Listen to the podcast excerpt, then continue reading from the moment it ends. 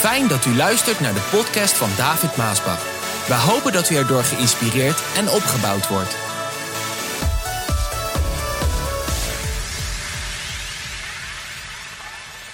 Vorige week hadden we het over Jacob en Esau. En nu ga ik naar Jacob en Jozef. Oh, die verhalen zijn zo mooi.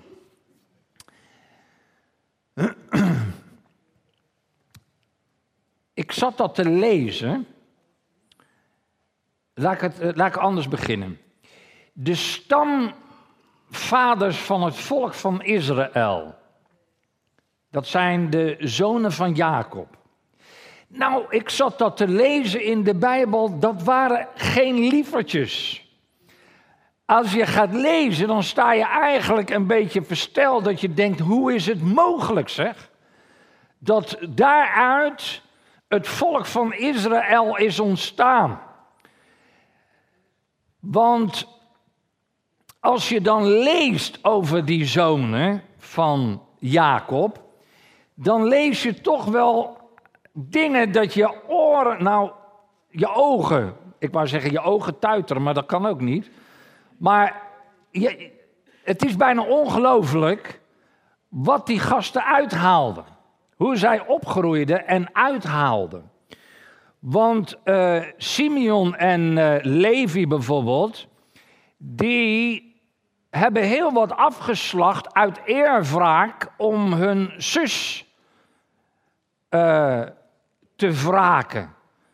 Dat is ongelooflijk als je dan, ik kan niet op alles ingaan, maar als Jacob dan hun zonen gaat zegenen, dan lees je in hoofdstuk 49, Simeon en Levi, dat zegt Jacob, hè, zijn broeders. Ze gebruiken geweld tegen hun bondgenoten. Het waren bondgenoten die ze ook hebben afgeslacht. Blijf uit hun buurt, zegt Jacob over zijn kinderen. Blijf uit hun buurt. Met andere woorden, het is niet veilig om in, hun buurt te zijn. En onthoud maar, dat het niet altijd veilig is om in de buurt van sommige kinderen Gods te zijn. Laat ik dat maar eventjes zeggen. Mogen ik nooit deel hebben aan hun slechte plannen. Want in hun woede doden zij mannen en sneden rundrende pezen door alleen voor hun plezier. Luister, dit zijn stamvaders, hè? Vervloekt zij hun woede, want die is hevig en vreed. En daarom zal ik hun nakomelingen door heel Israël verspreiden. Ja, ze kregen daar toch wel zo'n straf voor. Als je dan leest over die zonen, lieve mensen, dan kan je eigenlijk bijna niet vatten dat daaruit God het volk van Israël doet voorkomen en dat dat stamvaders zijn. En ik begrijp dat ook wel, en dat hadden we ook in de vorige boodschap over Jacob en Esau, dat je ogen open gaan, hoe, hoe dat in die familiekring ging. Ja, ik begrijp dat wel, want als je ziet hoe die gasten ook zijn opgegroeid, hè, dat, uh, dat begon natuurlijk al dat hun vader eh, in hevige oneenigheid met zijn broer Esau was. Dat wisten hun natuurlijk ook, dat voelden ze ook in het gezin, want kinderen voelen dat. Kinderen zijn niet achterlijk, kinderen voelen dat. Zonder dat ze het misschien zeggen, weten ze dat als mama en papa in onmin leven of broers en zussen. Dat voelen ze, dat weten ze. En zo was het ook met de kinderen van Jacob. Hij kon niet overweg met zijn broer. En dan heb je nog eens een keer, ach die Jacob, die heeft heel wat in zijn leven. Hij had problemen met zijn broer Esau, hij had problemen met Laban en nu heeft hij ook nog een hoop problemen met zijn zonen. En die zonen die zien dat natuurlijk van zijn, hun vader, ook bij Laban. Die kinderen zijn opgegroeid terwijl Jacob, hun vader, Laban bedondert. Ja, zo is het echt om zijn vee te doen groeien, bedonderde die Laban, zijn zwager.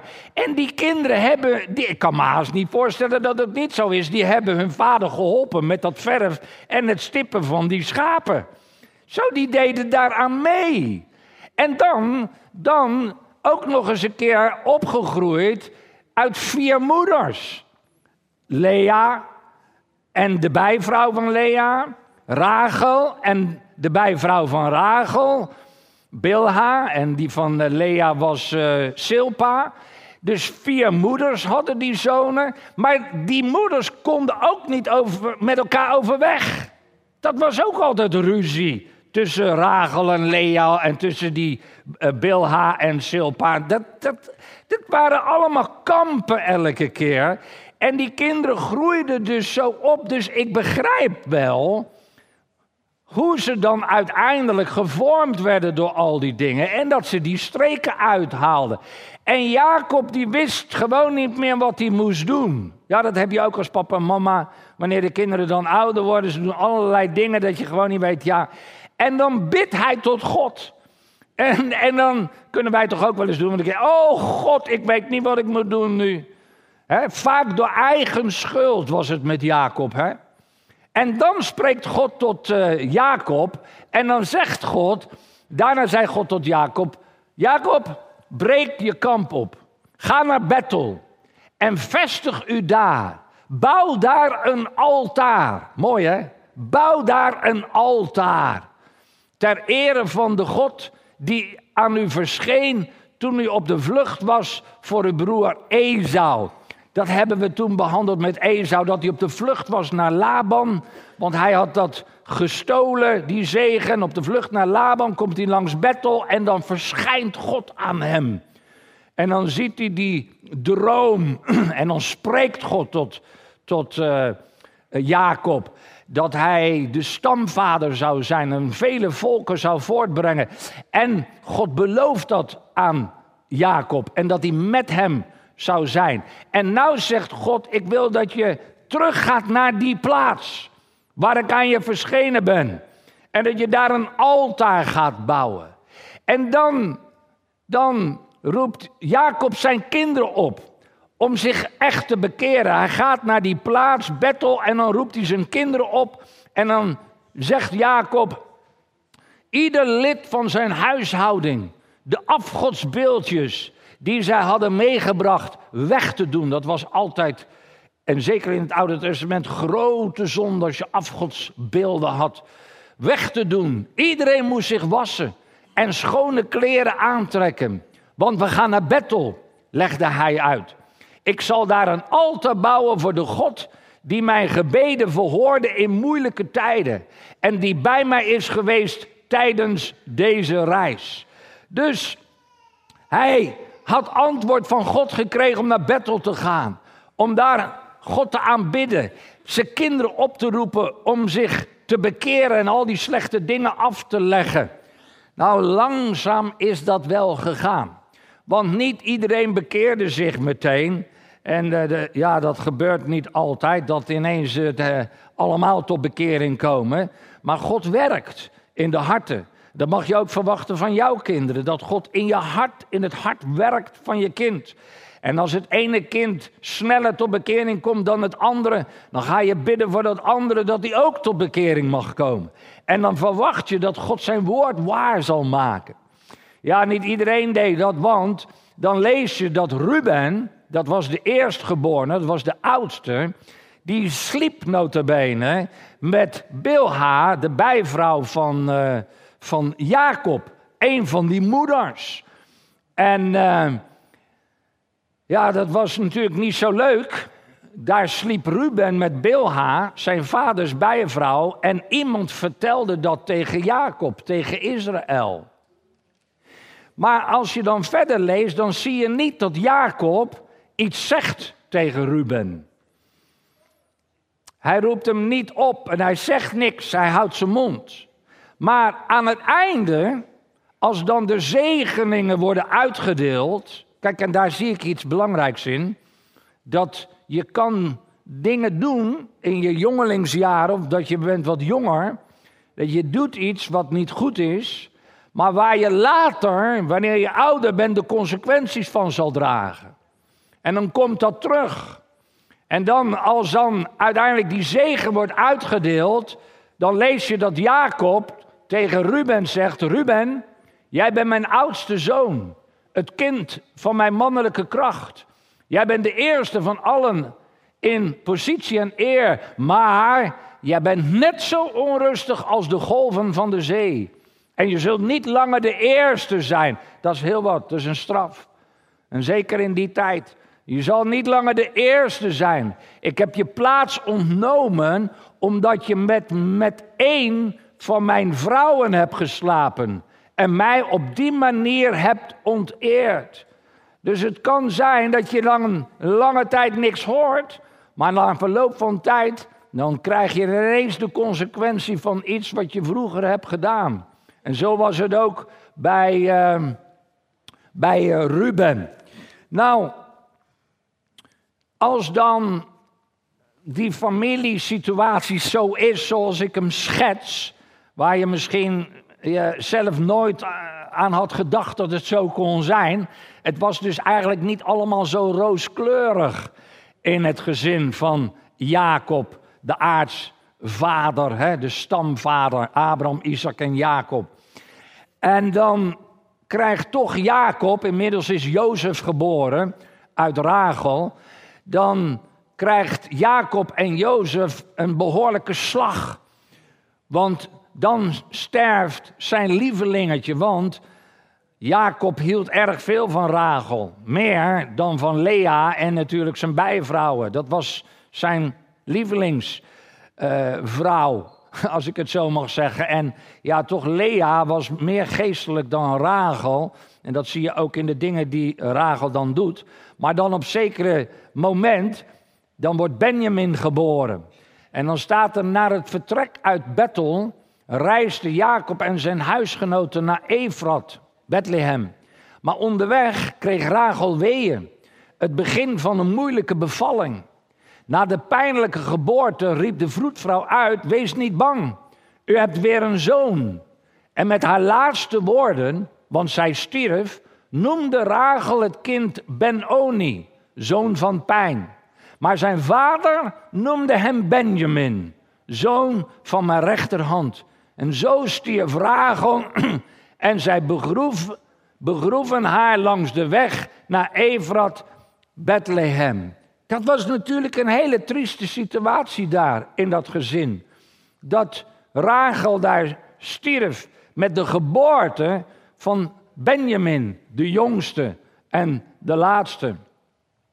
Ja, als ik dat dan zo schets en bekijk en dan ga ik daarover nadenken, dan denk ik dat moet toch ontzettend moeilijk zijn geweest voor Jacob om afscheid te nemen van Rachel.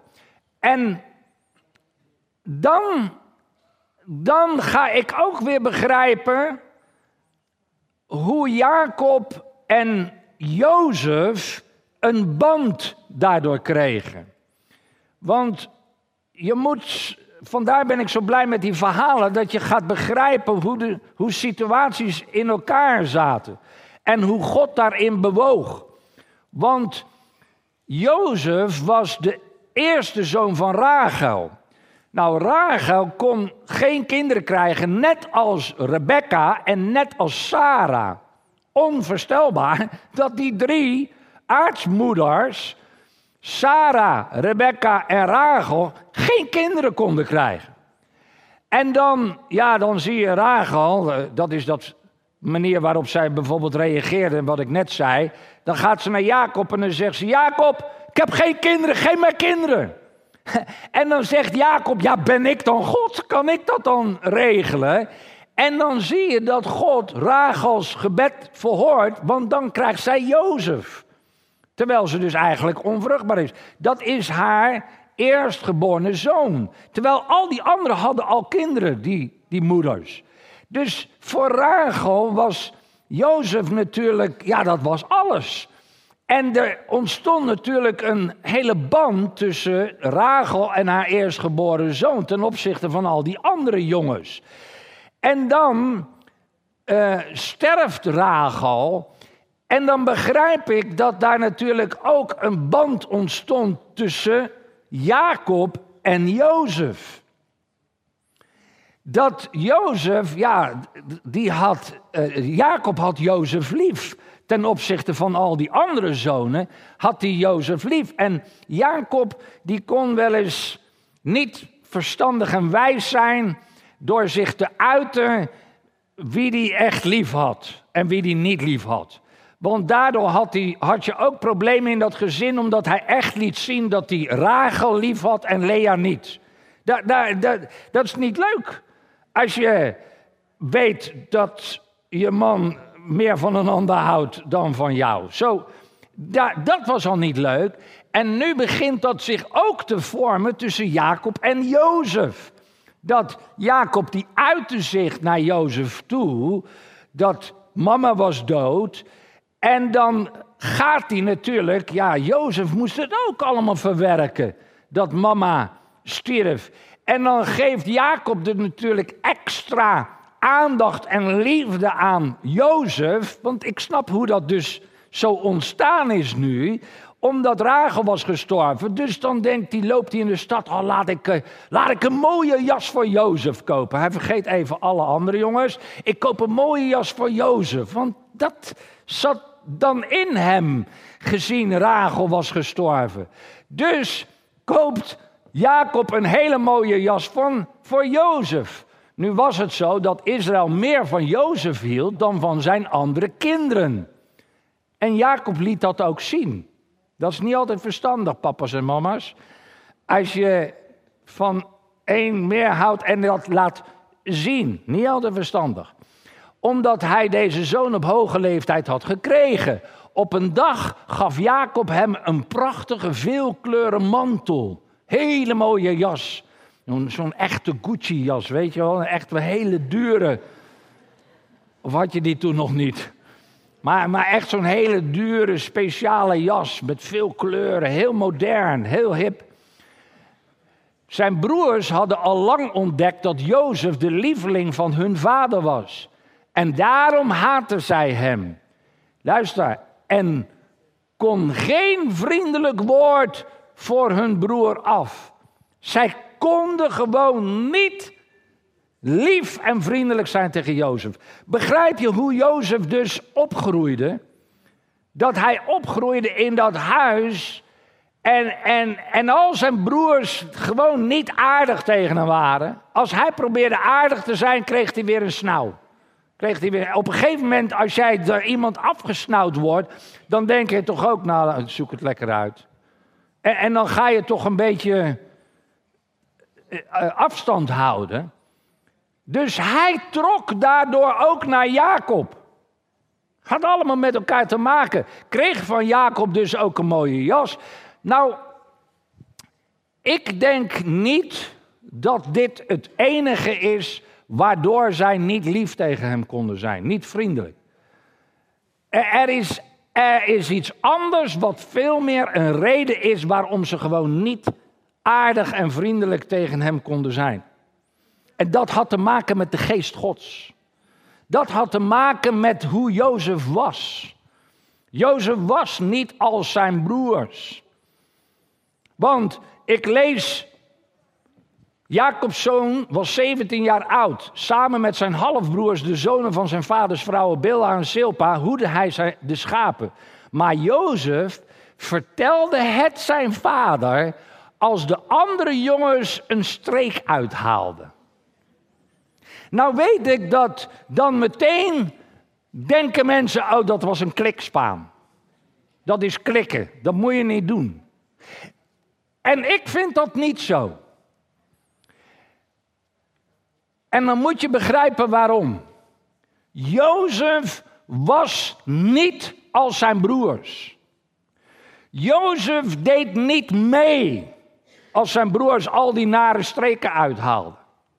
Hij was anders. En als die broers dan wat deden, dan vertelde hij het aan degene met wie hij een klik had, zijn vader.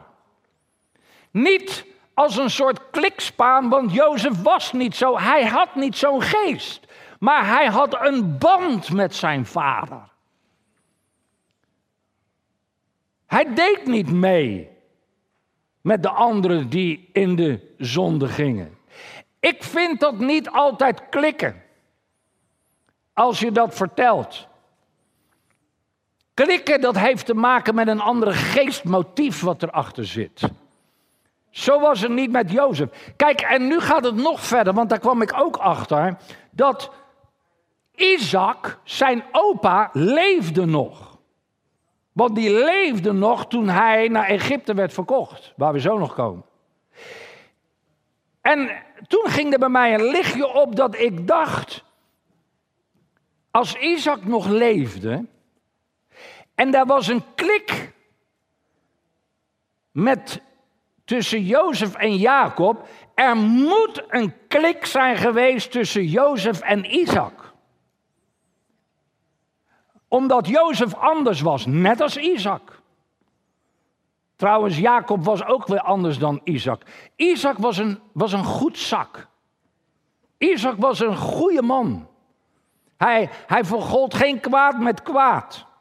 Hij was niet één die erop uitging. Hij was zeker niet als Jacob die erop uitging om, bepaalde dingen te doen. Was een eerlijke man. En als hij troubles had met anderen, dan, dan liet hij dat gaan en dan ging hij weg. En dan vertrouwde hij dat de Heer weer zou voorzien. En die geest, die was ook in Jozef. En omdat zijn opa Isaac nog leefde, kan het gewoon niet anders dat Isaac en Jozef een klik hadden. En als dan zijn kleinzoon Jozef bij Isaac opa kwam, dan het moet gewoon zo geweest zijn. Het staat er niet, maar het moet zo geweest zijn. Dat Isaac met Jozef sprak. Over de dingen van God in zijn leven. Eh, laatst toen eh, had ik Noah op mijn nek. En, eh, en eh, Regina postte die foto en er stond erbij. They always talk about Bible stories. Zie je, ik hou ervan om ook met de kleinkinderen, dat heb ik met mijn kinderen gedaan, die Bijbelverhalen te vertellen. Zodat de kinderen de verhalen uit de Bijbel kennen.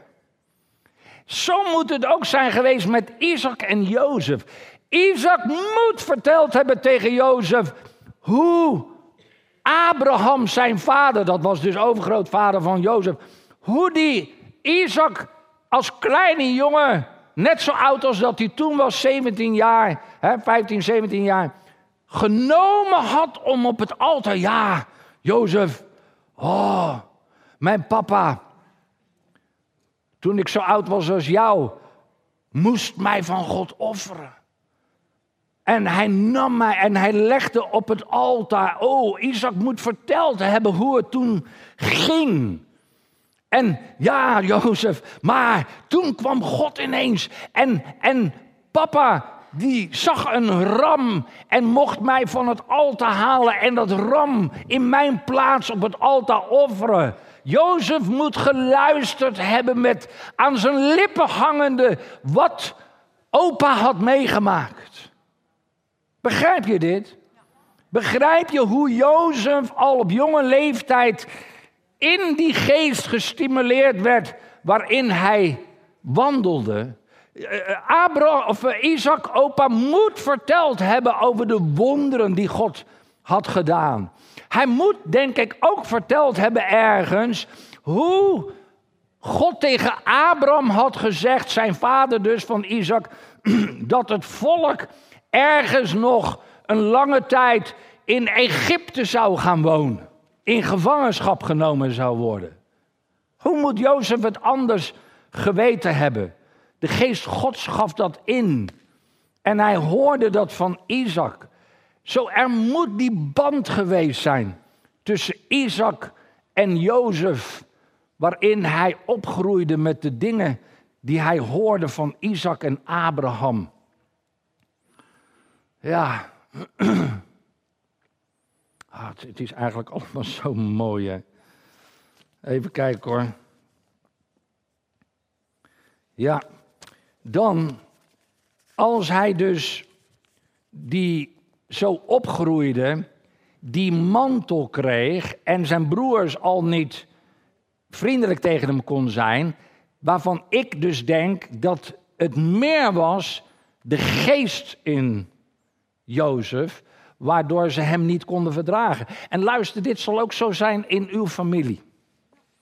Ze zullen, ze zullen als je over koetjes en kalfjes praat en koffie drinkt en cake eet, allemaal geen probleem, ook op verjaardagen niet, geen probleem.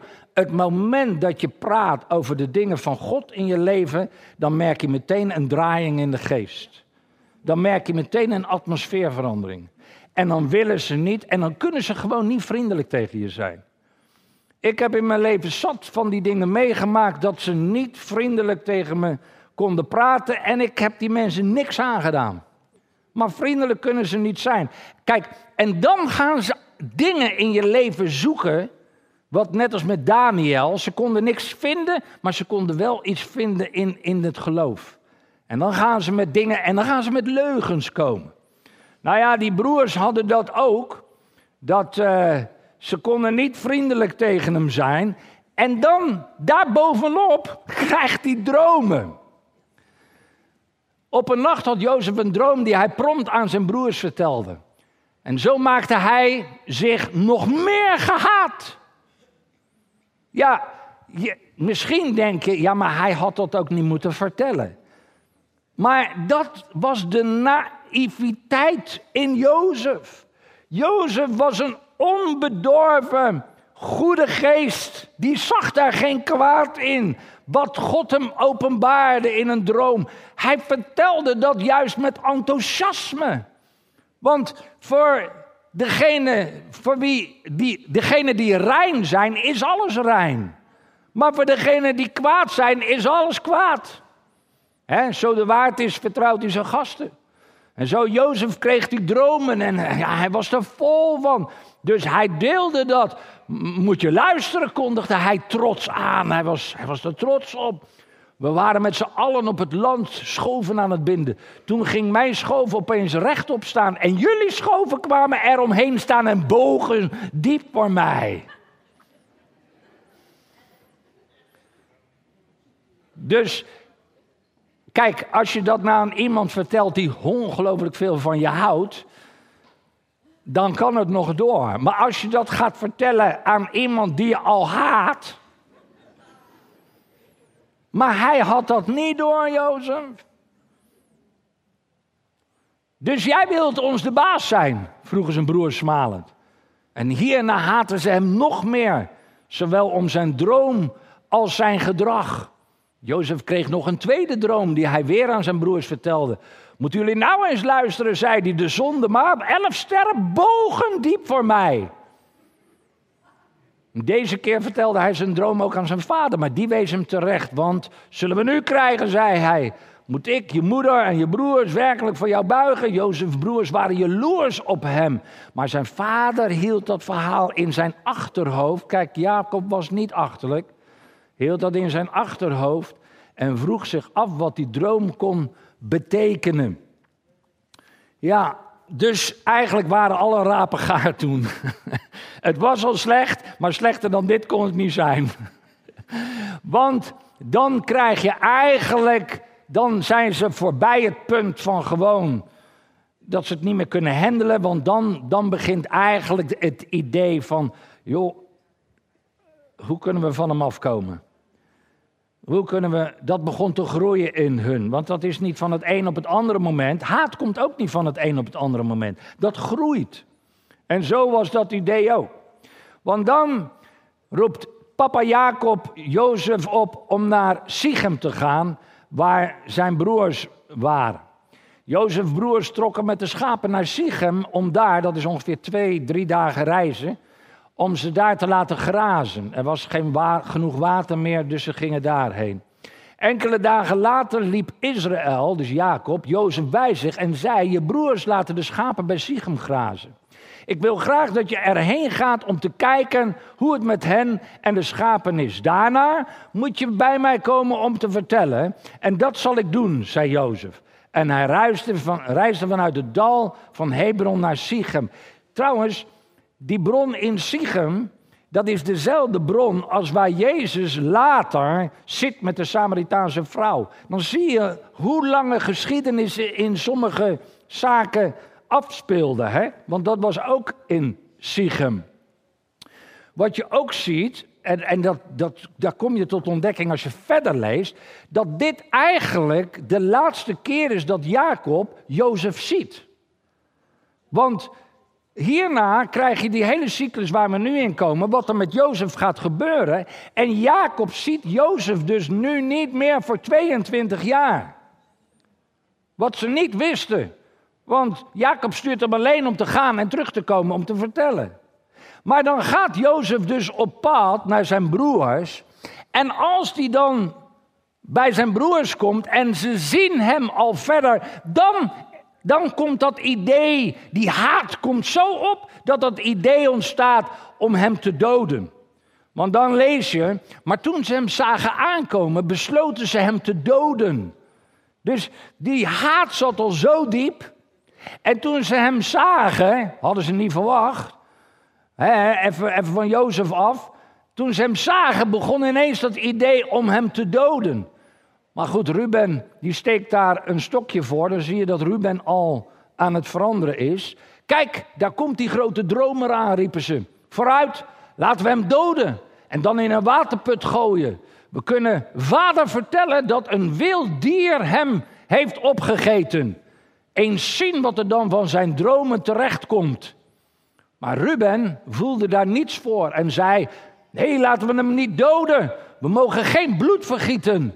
Mogen geen bloed vergieten. Hadden ze eerder heel veel gedaan. Oké, we kunnen hem beter levend in een waterput gooien. En dan hoeven wij onze handen niet vuil te maken. Ruben wilde Jozef later uit de put halen en hem terugbrengen bij zijn vader. Zie je? Mooi is dat. Dus pakten ze Jozef zo gauw hij bij hem was in de kraag, trokken hem zijn mooie veelkleurige mantel uit en gooiden hem in een droogstaande waterput. Nou, daar zijn we even vanaf. Ze wilden hem dus doden. Nee, laten we hem niet doden, laten we hem in de waterput gooien.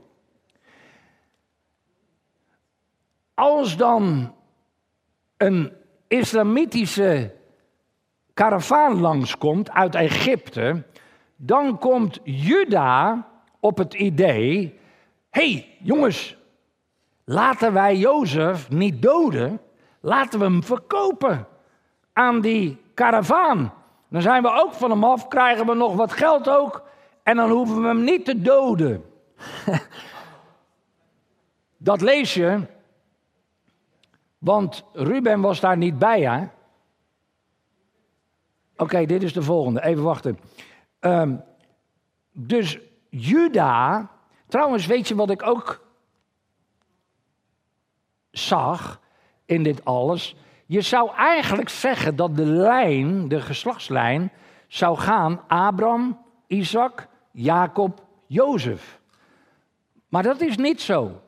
Want het gaat van Abraham, Isaac, Jacob, Juda.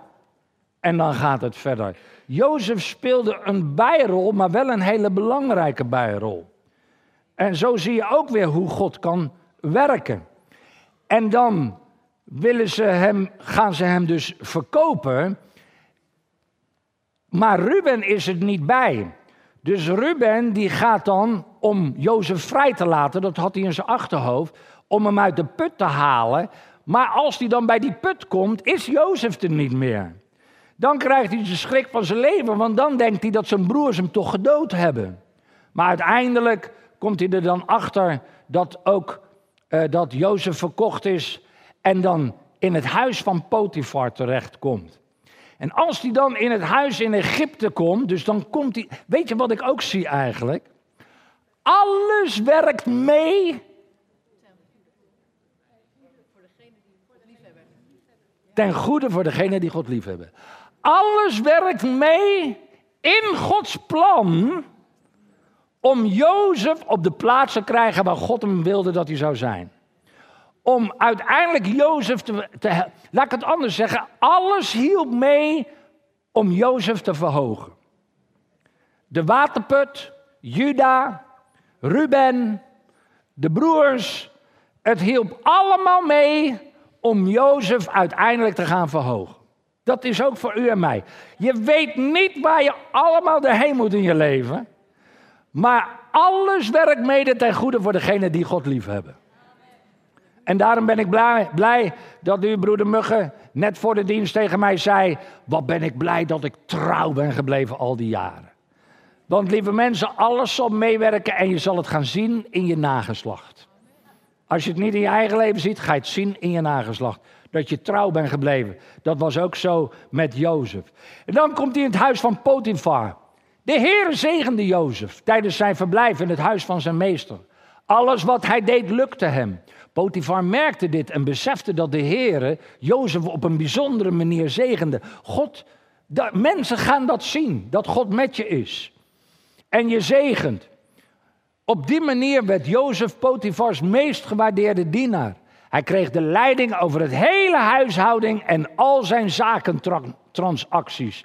Terwille van Jozef zegende de Heer het hele huishouding van Potifar.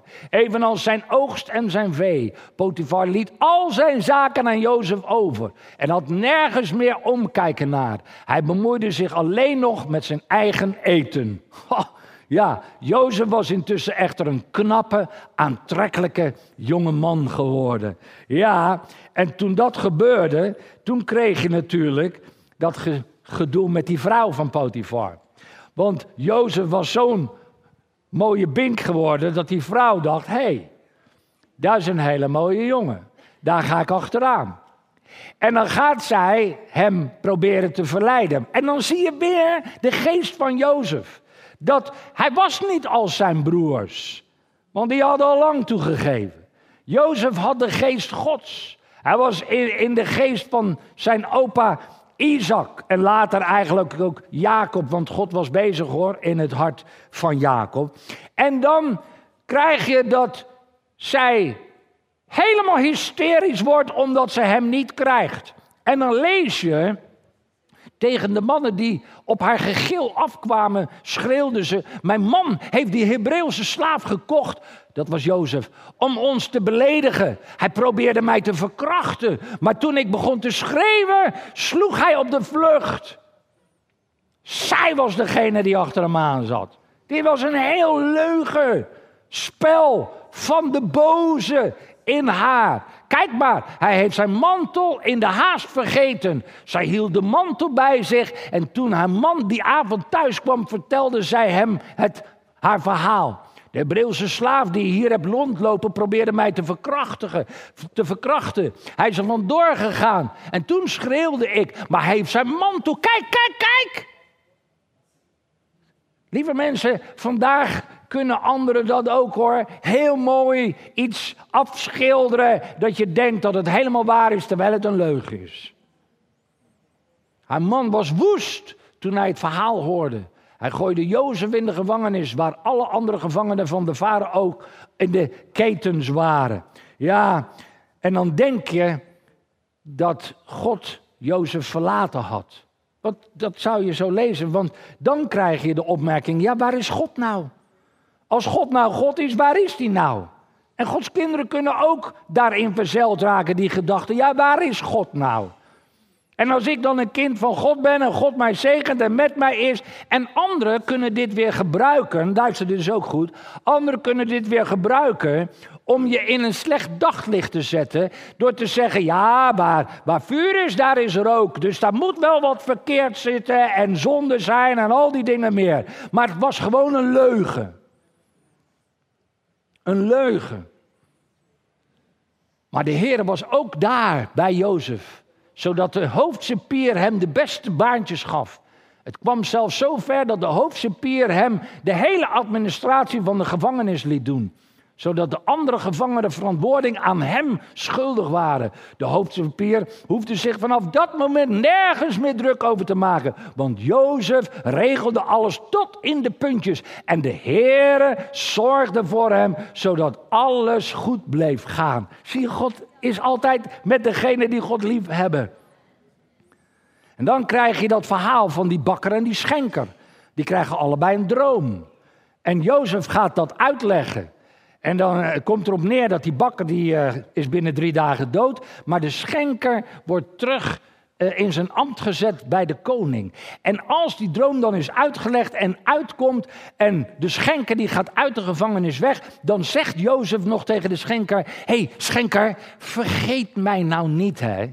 Als je bij de koning komt, doe dan een goed woordje over mij. Want ik zit twee jaar al onschuldig in de gevangenis. Hè?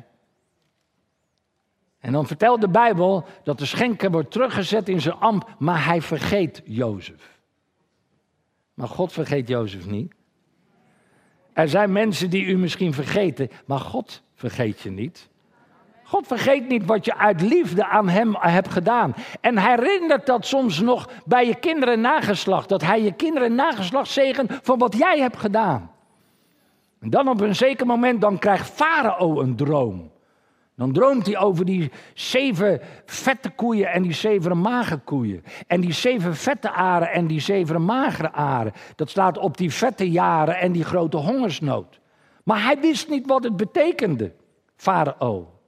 En dan roept hij al zijn mensen bij elkaar en dan vraagt hij om die droom uit te leggen. Maar niemand kan hem uitleggen. En de schenker, die hoorde dat. En dan komt pas ineens bij de schenker naar boven: hey, Jozef.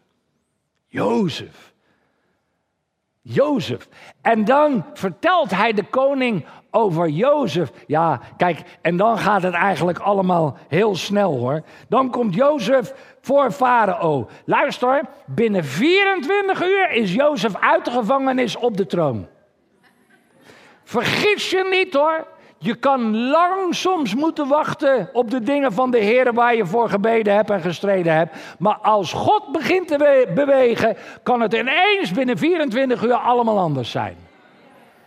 Ja, halleluja. God is God. En de vaderuur stuurde direct iemand naar de gevangenis om Jozef te halen. Jozef werd uit de kelder gelaten en mocht zich scheren en behoorlijke kleding aantrekken. Zo verscheen hij voor farao. Ik heb de afgelopen nacht een droom gehad, zei farao. En geen van deze mensen kan mij vertellen wat het betekent. Ik heb gehoord dat jij dromen kunt uitleggen. En daarom heb ik je hier laten komen. Farao, ik kan geen dromen uitleggen, antwoordde Jozef. Maar God zal u de betekenis vertellen. Zie je weer die geest van Jozef, hè? Niet dat hij die eer nam. Ik kan het niet. God kan het. En lieve mensen, dat is ook zo vandaag. Ik kan het niet, maar God is machtig om oneindig veel meer te doen dan dat wij kunnen beseffen. Ook als je hier komt voor de gebeden. Ja, en dan wordt Jozef verhoogd. Eindelijk, na al die fases waar hij doorheen is gegaan, wordt Jozef verhoogd. En zegt de Bijbel, de farao en zijn adviseurs zagen wel wat in Jozefs voorstellen. Want Jozef legde die droom uit over die vette jaren, magere jaren. En uh, hij zegt tegen Farao, Farao, we moeten in die vette jaren allemaal graan verzamelen. Graan, graan, graan. Dat als de magere jaren komen, dat wij genoeg graan in huis hebben om te voorzien in eten. Nou, Farao die zag wel wat in Jozef voorstellen. Ze bespraken wie de leiding moest krijgen over die enorme onderneming. En toen zei Farao, wie kan dat nou beter doen dan Jozef? Kijk, dan komt ineens alles op zijn plek. En als je dan op de plaats bent waar de Heer wil dat je zal zijn, en ineens God schuift je naar voren, want je bent daar, dan kan de Heer je ineens gebruiken voor dat doel. Ja, wie anders? Hij is een man die duidelijk vervuld is met de geest Gods. Mensen zien dat. En toen wendde de farao zich tot Jozef en zei: Aangezien God u de betekenis van de dromen heeft ingegeven, ben u de meest wijze man van het land. Ik benoem u daarom tot leider van de voedselverzameling. Ik geef u een blanco volmacht. Nou, had ik dat maar. In het hele land. Van de minister van Financiën zou ik graag een blanco volmacht willen hebben. Nou, ik weet wel waar ik het aan uitschrijf. U zult alleen aan mijn verantwoording schuldig zijn. Hij werd dus onderkoning. En dan begint die hele fase van het plan wat God met Jozef had om een heel volk in leven te houden. En uiteindelijk later natuurlijk ook Israël, het volk van Israël. En weet je, als Jozef dan met de wijsheid die hij van Gods geest kreeg en de inzichten aan dat plan gaat beginnen, dan is God met Jozef. En hij krijgt iedereen en alles op zijn knieën. Dat is wat ik lees in de Bijbel. Jozef verzamelde al het geld in Egypte en Canaan in ruil voor graan. Hij was alleen maar bezig met graan verzamelen de eerste zeven jaar. En misschien dat er sommige mensen dan zijn geweest. Ja, Jozef, joh, jij bent alleen maar met dat graan zamelen bezig. Je ziet toch dat het allemaal overvloed is? Het is toch, gaat toch allemaal goed? Waar hebben we al dat graan voor nodig? Nou, je hebt het niet nodig als het overvloed blijft. Maar als het hongersnood wordt, heb je graan nodig. Die brandblussers heb je nooit nodig totdat de brand uitbreekt. En zo is het ook in de dagen van vandaag. De Bijbel is wat, de, wat vandaag nodig hebt, is in de grote hongersnood, geestelijke hongersnood in ons land. En bracht dat geld onder in de kluizen van Farao. Toen de mensen geen geld meer hadden, kwamen ze naar Jozef toe en smeekten om voedsel. Al ons geld is op, zeiden ze. Maar wij moeten toch eten? Waarom zouden we sterven? Goed, zei Jozef, u kunt mij betalen met het vee dat je bezit. Hij ging een stap verder. Vee dat je bezit. Vee in ruil voor graan. Eerst was het geld in ruil voor graan. Nu vee in ruil van graan. Zo brachten de mensen hun vee naar Jozef in ruil van voedsel. Al spoedig bezat Farao alle paarden, alle schapen, alle runderen, alle ezels die in Egypte te vinden waren. Een jaar later kwamen de mensen weer terug en zeiden: Ons geld is op en ons vee is nu op. We hebben alleen nog onze lichamen en ons land nog. Waarom zouden wij sterven? Koop ons en ons land en wij zullen de lijfeigenaren van de farao zijn. Wij zullen onszelf ruilen voor voedsel. Dan blijven wij in leven en komt ons land niet braak te liggen. Zo kocht Jozef al het land in Egypte voor Farao. Alle Egyptenaren verkochten hem hun grond vanwege de zware hongersnood. Al het land werd zo eigendom van Farao. Je moet eens kijken wat de mensen over hebben als het grote hongersnood is. Uh, eigendom van Farao.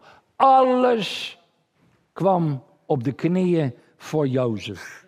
Precies zoals hij gedroomd had, zou alles zich gaan buigen. Daarom zeg ik mensen, alles werkt mede voor degene die God lief hebben. Dat is wat de Bijbel zegt in Romeinen 8, vers 28.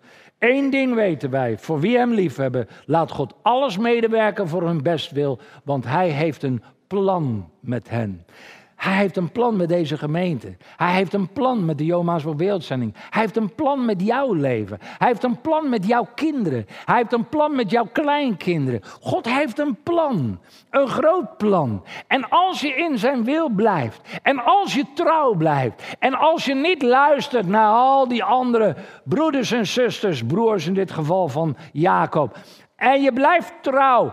Ook al lijkt het erop dat God niet met je is. Ook al zit alles tegen. Mensen, blijf trouw. Want de Heer zal trouw aan zijn woord blijven. En er zal een dag komen dat je het zal zien als de dag van verhoging aanbreekt. En dat Hij zal verhogen. Want alles zal medewerken ten goede voor degene die God. Amen.